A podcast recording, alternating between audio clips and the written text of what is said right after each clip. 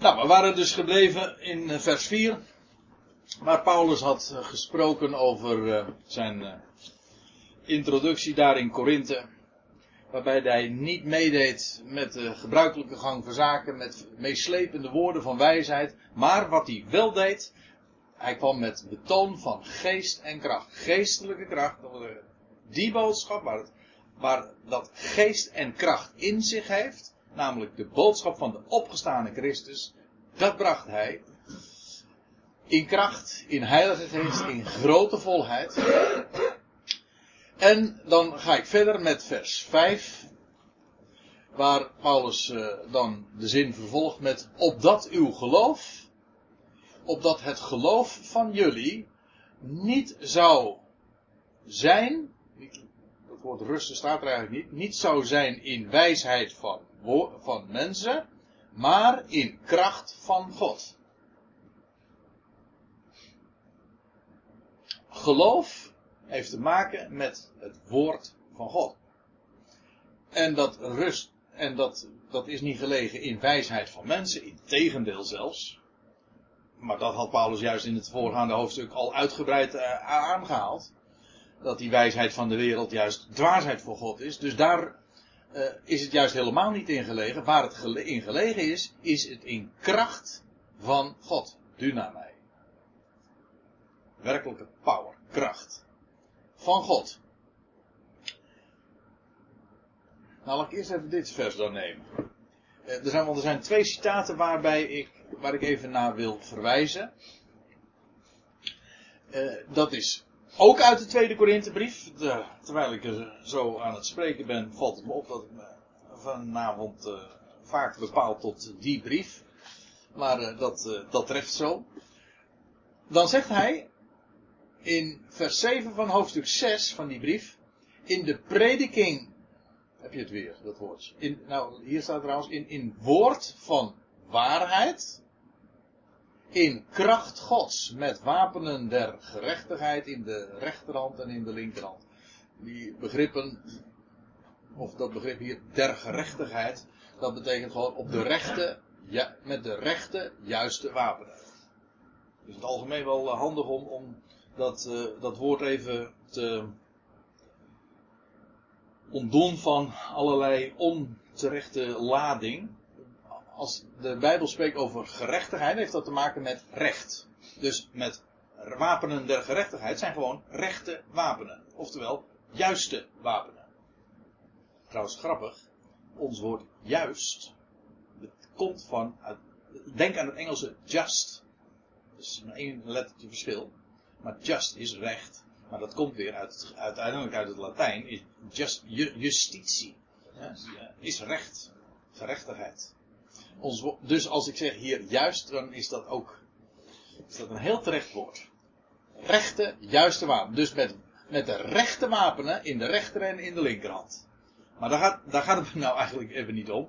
Maar het gaat me om die, die, om die, om dat woord van waarheid in kracht. Waarin is de kracht gelegen? Hierin. In de waarheid. Dus niet in mooie woorden, ook niet in, in meeslepende woorden, maar in het vertellen van waarheid. Daar leer je van. Dat maakt je ook werkelijk wijzer. Als we het nou toch over wijsheid hebben, dat maakt je wijzer. Dan leer je namelijk hoe de dingen zijn. En wat heb je eraan om, om onder de indruk te zijn van een toespraak of van een spreker? Dat is nog erger. Want dan ben je alleen maar onder de indruk van een, een spreker of van een toespraak. Maar waarbij het niet de waarheid is.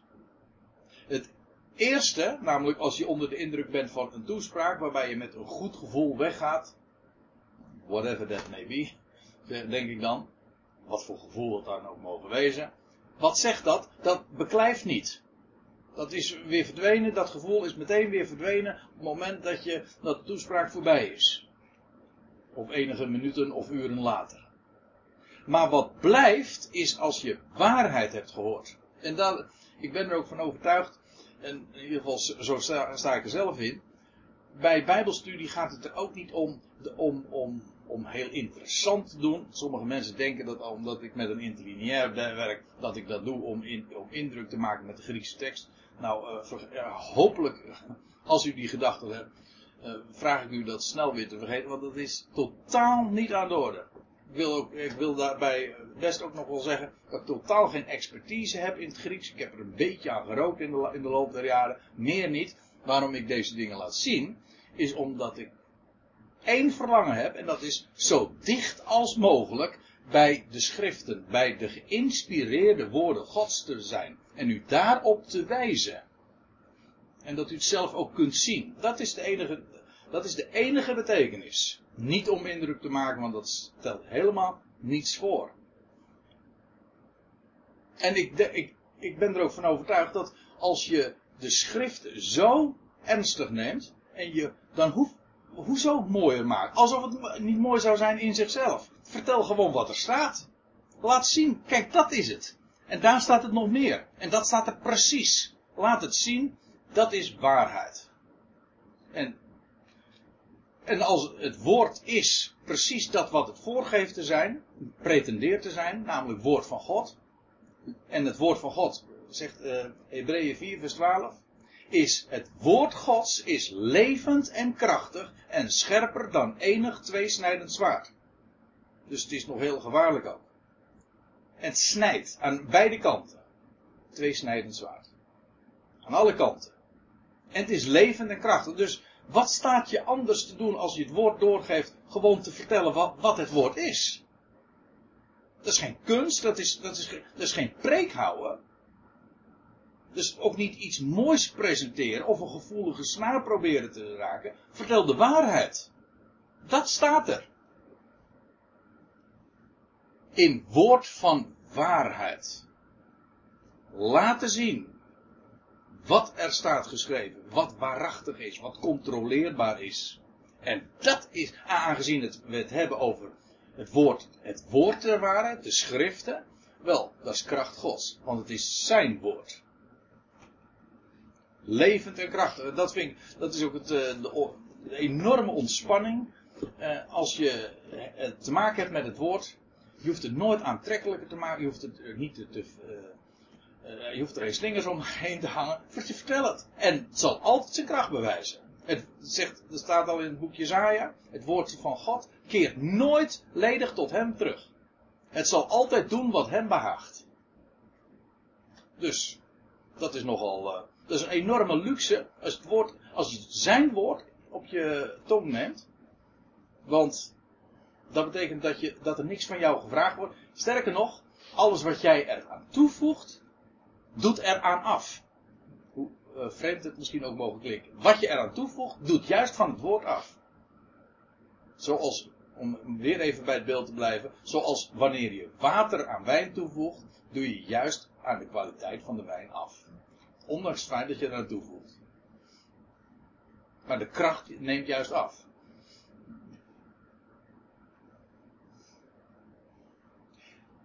De waarheid. En daar komt ook nog bij, en op dat woord wil ik ook nog even wijzen, waar het uiteindelijk uh, allemaal op aankomt, of uh, waar het van afhankelijk is. En ik, ik, zeg, ik wijs even op dit citaat, om daarmee ook aan te geven, het is niet de spreker. Het is ook niet zijn, zijn de meeslependheid waarmee hij iets vertelt. Nee, het is de Heer die het hart opent. In dit geval, vers 14 van Handelingen 16, gaat het over Lydia, de purperverkoopster uit Thyatira.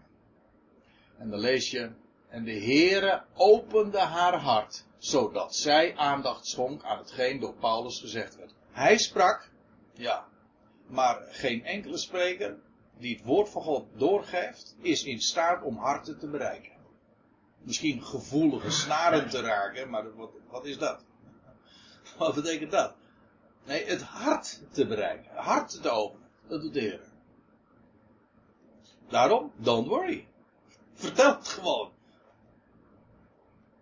het, woord, het woord is levend en krachtig. Natuurlijk. Hoe, zouden mensen het kunnen geloven als ze het niet te horen krijgen? Dat is één ding. Daarom vertellen we het uiteraard ook. Maar er is er één die de harten en die de oren opent. En dat geeft een uh, enorme ontspanning en rust. Want hij doet dat. Hij opent de harten. En het is ook zijn woord dat krachtig is. En het medium, ik bedoel, dat klinkt uh, heel spiritistisch, maar zo bedoel ik het niet. Uh, maar als woord, als, je iets doorgeeft, ben je een medium. Waardoor het, waardoor het uh, naar buiten komt. Of die het doorgeeft. Maar dat is, dat is volstrekt onbelangrijk. Je bent dan ook met recht, als je dat mag doen, als je dan genoemd wordt een dominee, dan zeg ik ben je erg slecht gestuurd, slecht gestuurd want dan, dat betekent dan ben je een heer. Dat lijkt me geen echte aanbeveling. Nee, wat een aanbeveling is als je een dienaar van het woord bent. Alleen maar een dienaar. Van wat? Nou gewoon het woord. Het woord. Goed. Dat was vers 5. En nu gaan we naar vers 6. En nu komen we bij dat gedeelte waar ik al even eerder aandacht aan gaf. Maar dat was om uh, toe te lichten waarom ik denk dat in vers 1 geen uh, sprake is van het, de, de, verborgenheid, maar van getuigenis. Omdat uh, Paulus gaat wel over verborgenheid spreken. Maar dat is pas in later instantie. Nu zijn we eindelijk bij dat vers aangekomen. Paulus bracht dwaasheid, dus aanhalingstekens, en over wijsheid, hij zegt, daar spreken wij over, toch spreken wij wijsheid onder degenen die daarvoor rijp zijn. Je ziet letterlijk staat er die, die volwassen zijn. Die daaraan toe zijn. De tweede keer trouwens dat dit woord uh, teleios, volwassenheid uh, voorkomt, dat is in 1 Korinthe 13 vers 10. Die is erg, uh, dat is een belangwekkend uh, schriftwoord. Want dat is waar, waar Paulus zegt, het staat me nog erg helder voor de geest, want het, enige tijd terug is er een studiedag geweest. Toen we het hadden over charismatische kwesties. En dan lees je in 1 Korinthe 13 vers 10 dat de tongen zullen verstommen, profetieën zullen teniet gedaan worden, als het en dan staat er in de vertalingen als het volmaakte komt. Er staat niet het volmaakte, er staat hetzelfde woord als dit. Exact hetzelfde woord. De volwassenheid komt. Als de volwassenheid komt. Dat wil zeggen, als de Ecclesia volwassen is, dan zullen die dingen verdwijnen, verstommen of afgedaan hebben. Maar zou zomaar in de verleiding kunnen komen om nu over 1 Corinthië 13 verder te gaan. Dat doe ik niet. Ik wijs er alleen even op dat dit woord daar uh, vertaald wordt met volmaakt. Maar dat klopt niet hoor. Het gaat niet over volmaaktheid, want dat wekt een heel andere su suggestie. Het gaat niet over volmaaktheid. 11 zegt het ook, want dan gaat het over een kind. Een kind wordt volwassen. Ja, in 1 Corinthië 13 bedoel je? Ja, de hele context is overduidelijk. Het gaat daarover de, de ontwikkeling van een kind tot volwassenheid. Toen ik een kind was, sprak ik als een kind, uh, overlegde ik als een kind. Maar nu ik vol, een man geworden ben, heb ik afgelegd wat kinderlijk is. Ja, dus het is vol, volkomen helder. Maar hier zie, hier zie je dus, uh, om even een bonnetje er nog bij te leveren, voor zover dat van belang is, voor zover je nog niet overtuigd was. hier, hier staat het gewoon heel duidelijk. Voor degene die niet volmaakt, maar diegenen die rijp zijn, volwassen zijn. Dus die wijsheid waar Paulus over wilde spreken, die is niet zomaar geschikt uh, voor iedereen. Paulus wilde dat maar dolgraag. Ja, nou loop ik een beetje, nou tegen de muur is een groot woord. Dat is uh, een beetje misplaatst als ik het zo zeg, maar uh, het is een beetje lastig, want ik veronderstel nu even als bekend dat je de, de, de eerste Korinthebrief kent. In ieder geval, als ik nou een tip mag meegeven, lees de brief nou eens op je gemak is helemaal door. Zo'n end is nou ook weer niet, 16 hoofdstukken. Maar om een indruk te krijgen van, van, van de hele toonzetting, van de hele sfeer, ook al weet je dan bepaalde details, begrijp je niet. Maar dan is uh, een van de dingen die opvallen, is dat Paulus juist in het begin ook uiteenzet, is dat hij, hij wilde zo graag meer vertellen aan hen. Maar ze, ze waren nog onmondig.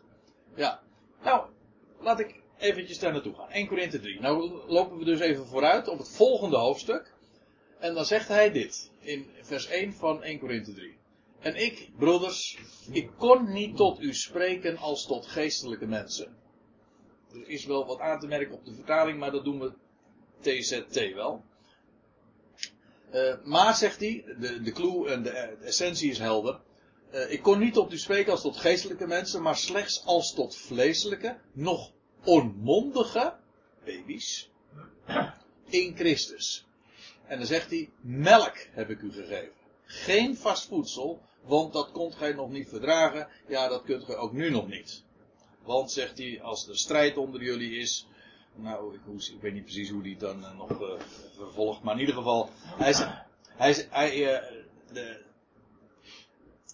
het punt wat hij maakt is. hij, hij wil de wijsheid daar om. Die, die, wijsheid van God en de verborgenheden wilde hij graag vertellen. Maar hij kon het daar in Korinthe nog niet kwijt. Helaas. En feitelijk, de, deze brief is ook heel. Het is een lange brief. Het is een van de langste brieven van Paulus.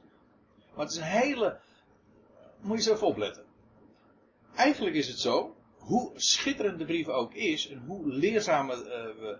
Nou ja, we zullen er vele avonden aan wijden. Dus je kunt er enorm veel van opsteken. Maar Paulus neemt een hele lange aanloop om uiteindelijk bij zijn punt te komen. Dat is hoofdstuk 15. Namelijk het hoofdstuk over de opstanding. Over hoe God de dood er niet zal gaan doen, et cetera. Dat zijn, en over ja, ook de toekomst van de Ecclesia. En hoe God uiteindelijk alles in alle wordt. Dat is wijsheid. Dat, is die, dat zijn die dingen die Paulus zo graag wilde vertellen. Maar al die hoofdstukken die daaraan vooraf gaan. Zijn, is niets anders dan een aanloop daartoe. Dat is waar hij. Maar hij moest nog zoveel dingen rechtzetten. Ze hadden allerlei vragen over, in Paulus' ogen, oppervlakkige dingen. Het ging over het huwelijk.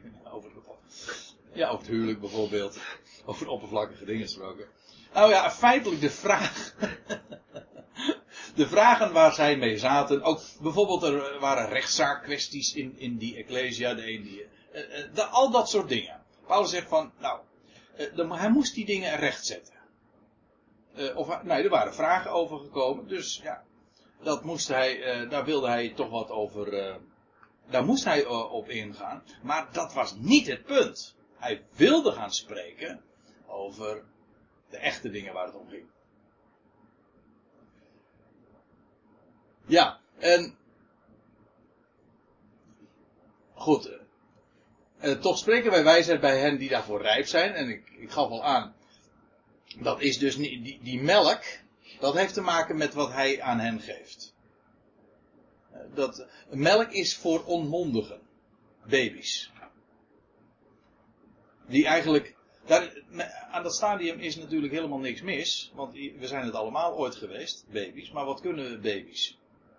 Ja. Uh, zoals we dat dan zo mooi zeggen, huilen en bevuilen. en ze moeten altijd maar gepamperd worden.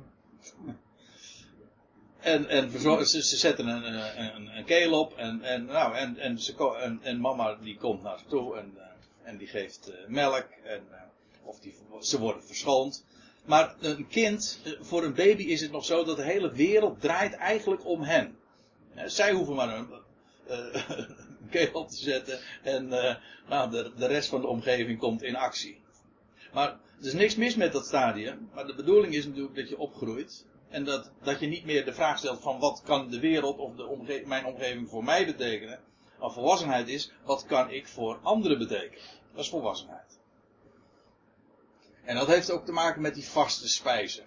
De, dat gaat dan niet meer over vragen van hoe, hoe, waar, hoe, waar mijn problemen worden, door worden opgelost. Eigenlijk is ja, die, die, die, die eerste Korinthebrief, dat was een oplossing van hun problemen. Dat is melk. Dat is, dat is allemaal melk. Wij denken dat daar vaak zo moeilijk of zo hoog over, van, dat je met interessante vragen zit in het leven. Maar dat zijn, de echt interessante vragen in het leven zijn niet van, uh, waarmee zullen we ons, e waarmee zullen we ons kleden en wat zullen we eten en drinken. Hè? Dat lukt hier nog wel. We ons kleden, ja. Mooie omgeving om dat zo te vertellen. Nou ja, goed, we hebben zo allemaal onze, ons bestaan en ons, ons leven hier. Maar dat zijn niet de vragen waar het om gaat. Vaak is het zo dat onze hele horizon wordt beslagen door dat soort vraagjes. Weet je wel, hoe, ja, hoe je je hoofd boven water houdt in deze wereld. Maar dat is eigenlijk allemaal melk. Dat is allemaal melk. Vaste spijs, dat zijn de dingen, niet die, die gaan over onze problematiek, maar die gaan over wie God is. En wat hij van belang vindt. Nou, al die dingen die wij zo belangrijk vinden, ach, daar hebben we het over. Ja, zo dacht Paulus. Zo schrijft hij daar ook over. Hij praat daar soms ook heel met, met enige dédain over. Van, ja, waar hebben we over? Dat zijn toch, eh, dat zijn toch non-issues? Maar vast voedsel, dat zijn de dingen die echt betekenis hebben. Nou, daar moeten we het inderdaad over gaan hebben. Maar ik, voordat ik, uh, ja, voordat ik daar nog wat meer over wil uh, vertellen, eventjes deze woorden nog. Toch spreken wij wijsheid bij hen die daarvoor rijp zijn, of volwassen zijn. Een wijsheid echter niet van deze aion. Nee, maar dat was inmiddels wel duidelijk. Want dat wat wijsheid in deze aion is, is helemaal geen wijsheid. Dat heet alleen maar zo. Zo denkt men erover. Nee, nog van de beheersers van deze aion, van wie de macht teniet gaat. Dat wil zeggen, degene die het hier in deze aion voor het zeggen hebben. En je kunt denken natuurlijk aan de beheersers van deze aion, aan de, de machthebbers, de politieke, de militaire of de economische grootmachten. Maar ik, dat is ook zo. Die, ik denk dat die daar wel bij ingesloten zijn. Maar het gaat hier feitelijk ook nog, dat zal blijken uit het vers dat volgt, over de machten en overheden die achter de schermen opereren, die ons zich onttrekken aan onze waarneming. Dus de overheden en machten in de hemelse gewesten. Of zoals Paulus dat zegt in Efeze 2 vers 2, de overste van de macht der lucht. Waardoor alles in deze aion zo gaat zoals het gaat. Waardoor de leugen ook regeert. We leven in een boze aion. En waarom is het een boze aion? Omdat de waarheid verdraaid wordt. Omdat de, de, de vader der leugen het voor het zeggen heeft. Altijd wordt de waarheid verdraaid. Dat is karakteristiek voor deze aion en waarom ze ook boos is. Maar daarvan zegt Paulus ook hier, min of meer laconiek, nou ja, de beheersers van deze aion, ach, hun macht gaat toch er niet. Dat is uh, een kwestie van tijd en dan is het over met ze. Deze aion gaat toch voorbij hoor. En dan gaat ze definitief plaatsmaken voor de aionen. De aionen die namelijk gaan komen, zijn de aionen van hem. De toekomende aion. En ook de aionen die nog zullen volgen, zijn van hem. In steeds overtreffende heerlijkheid, maar de beheersers van deze aion, die, uh, hun dagen zijn geteld. Hun macht zal teniet gedaan, uh, gedaan worden. Maar, zegt Paulus, wat wij spreken, wat wij spreken van Gods wijsheid, ik lees nu even voor zoals, zoals het dus echt er staat, in, de, in die volgorde, in, in wijsheid, die is, die verborgen is. Wat wij spreken in geheimenis. Dat is Gods, ja, hier wordt dan in de vertaling gezegd, de verborgen wijsheid Gods. Ja, ik heb er even bij gezet, uh, verborgen onder andere in de Tenach. Waar heeft God die wijsheid, waar Paulus zo graag over wilde vertellen, maar wat hij zo slecht kwijt kon daar, die vaste spijzen, waar, waar is dat allemaal verborgen? Nou, in de Tenach, daar wilde Paulus namelijk zoveel over vertellen. Ik zeg onder andere, want uiteindelijk is het zo, die wijsheid Gods, die verborgen is, die, zelfs in, die, is ook in, zelfs, die is ook in de schepping te vinden. Ook in de sterrenwereld bijvoorbeeld, in de sterrenbeelden, in de natuur, in de plantenwereld, in de dierenwereld, in de wijze waarop in alles is gemaakt, de seizoenen, etc. Ik bedoel, het is allemaal zijn expressie. En dus zegt het iets over wie God is. Dat is niet alleen maar zijn woord, dat wat hij gesproken heeft of laten optekenen, maar ook dat wat hij tot stand gebracht heeft, zijn scheppingswerk. Daarin ligt zoveel wijsheid verborgen, wat allemaal spreekt over heerlijkheid. Ja, onze heerlijkheid. Maar voordat ik daar nog wat eh, meer over wil zeggen. Ja, die verborgen wijsheid. Uh, verborgen onder andere in, het, in de Tenach. En dat wil ik u laten zien. Nou gaan we even naar de Hebreeënbrief. Ik ben al een beetje aan het warm draaien, want in Rijnsburg ga ik vanaf volgende week, zeg ik het goed? Nee, vanaf die week erop, ga ik uh, beginnen met een, een, hele serie, want dat zal een hele serie worden van een paar jaar, vermoed ik wel, uh, over de Hebreeënbrief. Maar daar gaan we nu eventjes naartoe. En daar lees je, en ik val midden in het verband, hoofdstuk 5, vers 10. En daar gaat het over uh, Christus, die de hoge priester, Israëls hoge priester is. En die nu gezeten is in het hemels, die nu in het hemelsheiligdom is. En daar staat er, uh, door God aangesproken, dat wil zeggen de Messias daar. Hij is door God aangesproken als hoge priester naar de ordening van Melchizedek. Wie is Melchizedek? Ja, die, het gekke is, je vindt bijna niets in de Bijbel over.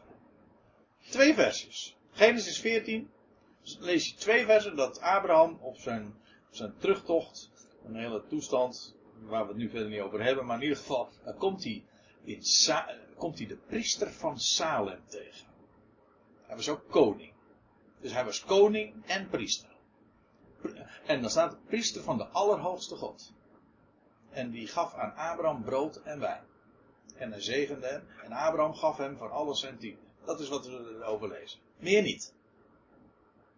Laat, nou ja, meer niet. Nee, in dat klopt. Maar later in het boek Psalmen, Psalm 110, komt, die, komt de naam Melchizedek nog één keer voor. En dat is dat de Messias, dus een psalm van David, en dat, daar wordt voorzegd dat de Messias een hoge priester zal zijn naar de ordening van Melchizedek. Melchi, Melchi betekent trouwens Melech, is koning, Tzedek is recht, gerechtigheid. Koning der gerechtigheid. Maar de Messias zal een, een hoge priester zijn naar de, naar de ordening van Melchizedek. Als ik het heel kort zeg, dan betekent dat hij zal niet alleen maar priester zijn, maar ook koning. Wat heel uniek is, want in Israël bestond dat niet. Als je, als je een koning was, dan kwam je uit de stam van Juda. En als je een priester was, dan kwam je uit de stam van Levi. Dus je was nooit koning en priester. Maar de Messias zou ooit, die zou komen, de zoon van David, dat zou, die zou hoge priester zijn naar de ordening van Melchizedek. Koning van Salem. Uh, koning van vrede. Ja, koning van vrede. Ook nog koning van Salem, Shalom. Waarbij Salem trouwens ook nog het latere Jeruzalem is. De stad van vrede. Ja, de, oh, nou, uh, nou, ik, uh, ik wou zeggen, uh, ik, Paulus haalt de woorden uit mijn mond. nou, moet je opletten, vers 11. Dan zegt hij, hierover, hierover hebben wij veel te zeggen. Er is maar weinig in de schrift over uh, vermeld. Maar over. Uh, we hadden het over gevulde woorden. Eerder in de, in de avond. Over, nou, dat is met recht met de woorden van de schrift. Het zijn maar een paar woorden. Maar ze zitten zo boordevol aan geestelijke waarheden. Onvoorstelbaar. Paulus zegt daarom. Ik ga er even vanuit dat hij geschreven heeft.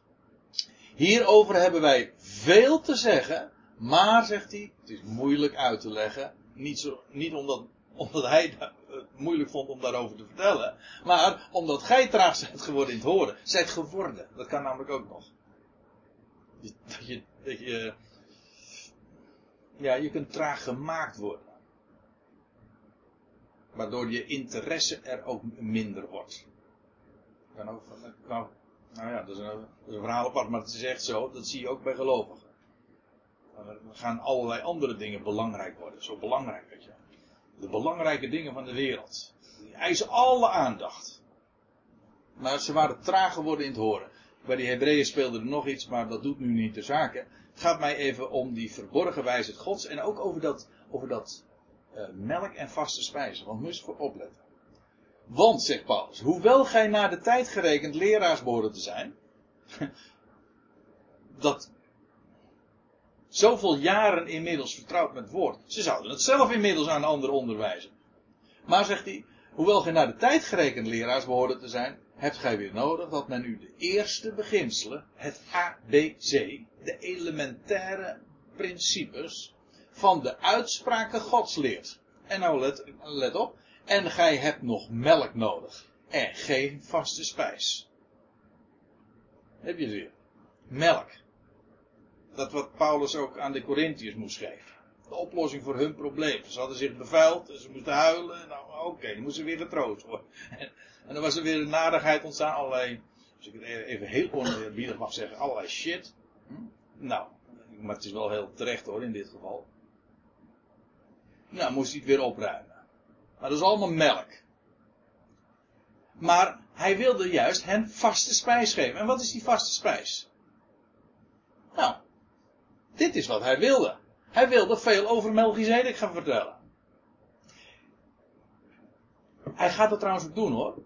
Maar dit is Hebreeën 5. Hij gaat, dat pas, hij gaat dat pas doen in Hebreeën 7. Heel, het is een lang hoofdstuk. Gaat hij uitgebreid vertellen over, over Melchizedek en de betekenis daarvan. En wat zie je dan?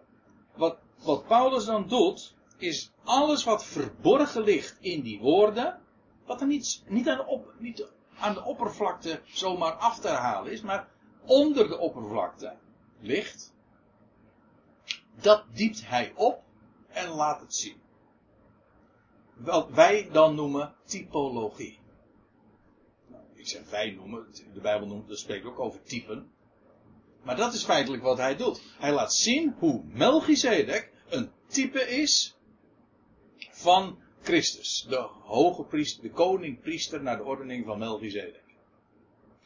En waarom zeg ik dit? Wel, die vaste spijs, dat heeft alles te maken met al die dingen die verborgen liggen. De verborgen wijsheid Gods. Dat wat verborgen ligt in de schriften. Dat is vaste spijs. Dat is die wij, de verborgen wijsheid Gods. Wat allemaal aan type te vinden is. Kijk, dat is echte rijkdom.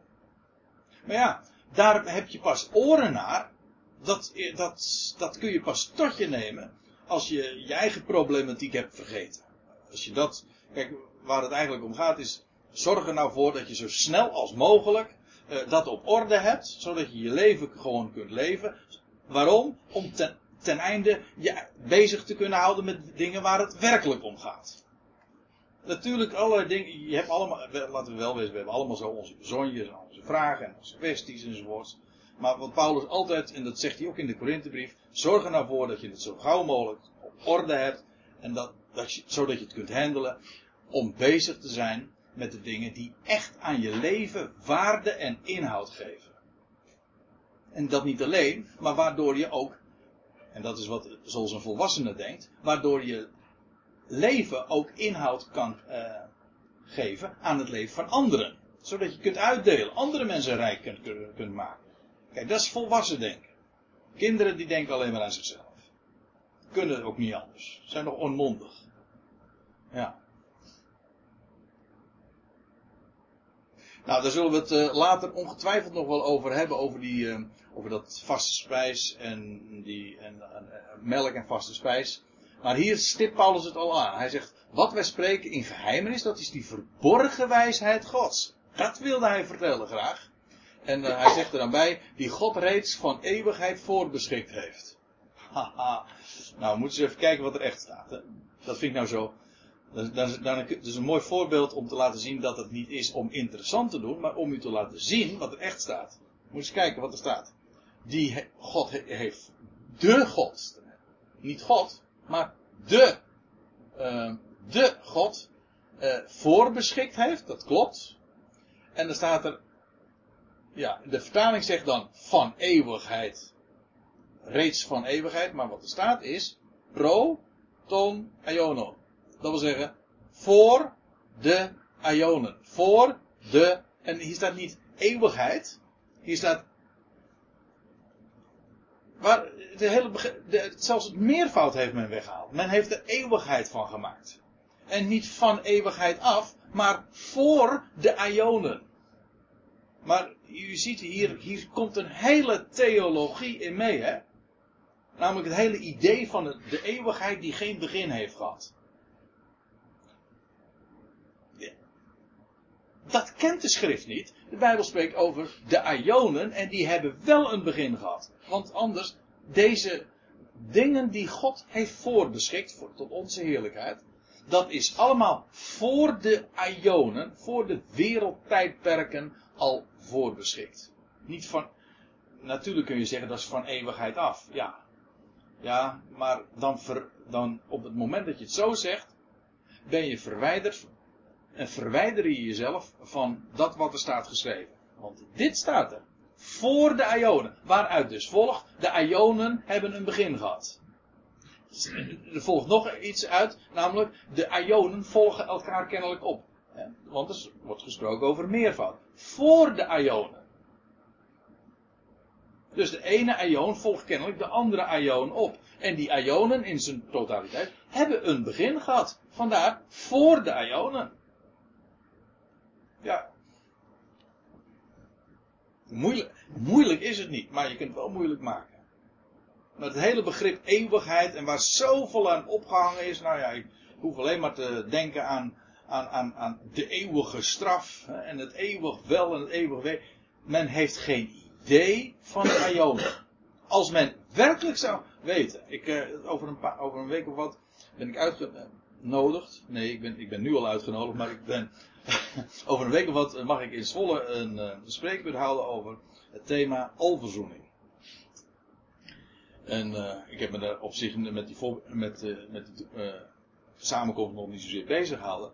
Maar feitelijk, ah, de hele, het feit dat het een problematisch begrip is, dat komt hierdoor. Doordat men het begrip eeuwigheid in de theologie heeft geïntroduceerd, zou men namelijk weet hebben van ionen, die een begin hebben, en die trouwens ook een einde hebben, want de Bijbel spreekt over voor de ionen, maar de Bijbel spreekt ook over de volleinding van de ionen.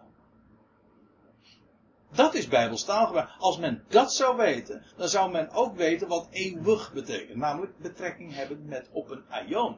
Ionisch. En dan zouden alle vragen, dus een hele statement die ik nu maak, maar ik durf het rustig zo te zeggen, dan zouden alle grote vragen zogenaamd ineens schrompelen tot niets. Want ze, ze verdwijnen namelijk als mooie beeldspraak in dit verband. In dit tijds, de, deze tijd van het jaar. Als sneeuw voor de zon. Bijbelse taal. Voor de Ionen. Het gaat mij nu niet om de alverzoening, dat is helemaal niet de kwestie. Maar ik wil wel zeggen dat het zo belangrijk is om aan Bijbels taalgebruik vast te houden. Bijbelse begrippen. En, dan, en dat lost niet alleen problemen op, het voorkomt ze gewoon. Je hebt ze niet eens. Dat is helemaal luxe. Die God, die de God. Ik blijf het prachtig vinden. De God. De plaatser. Die de God voor de Ionen voorbeschikt heeft. Alleen het hele idee dat er een de plaatser voorbeschikt. Hij heeft een plan en hij zet de dingen al op voorhand allemaal op zijn plek. Hij heeft een plan. En alles gaat minutieus volgens dat plan. Dus op zich, dat is toch evangelie. Op zich, daar gaat niets mis. kijk, als je eenmaal voor deze dingen ook, als je zicht gaat krijgen op de God, die voor de Ionen voorbeschikt heeft, tot onze heerlijkheid. Alleen dan het besef daarvan, doet onze eigen problematiek trouwens ook meteen ineens schrompelen tot zijn ware proporties.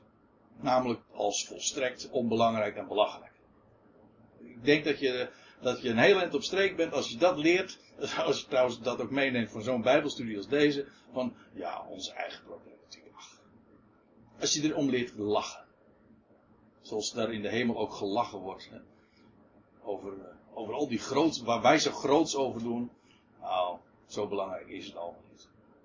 Volkeren zijn geacht als een druppel aan de em. Wat, wat verbeelden we ons nou? Wat er echt toe doet is wie hij is en wat hij in gedachten heeft. Want dat blijft.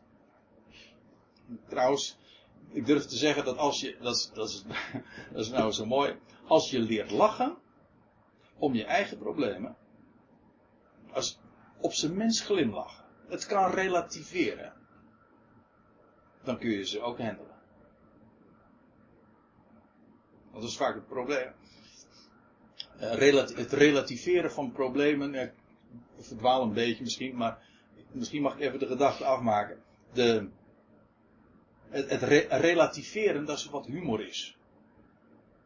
Humor is niks anders dan iets een bepaald punt eh, of iets een bepaalde kwestie van een andere kant bekijken, zodat het ineens heel lachwekkend wordt. Ja. Hoe, vaak zeggen mensen niet van, nou, er komt, hè, je, zit met een probleem en dan zeggen we van, nou, er komt een moment dat je erop terug zal kijken en dan lach je erop. En dan denk ik, maar waarom, waarom zou je zo lang wachten? waarom nou nu, nu alvast niet, als, dat, als je weet dat het zo is. Hè? Zo, zo tegen dingen, dan, dan verandert jouw situatie niet, nee, maar je wordt er bovenuit getild. Dan kijk je vanuit een ander perspectief en dan schrompelen inderdaad, zoals dat dan gaat met dingen, als je, als je op grote hoogte je bevindt, dan worden alle dingen heel klein. Je uitzicht. Maar dat had ook weer te maken met dat Sophie, hè, of die wijsheid.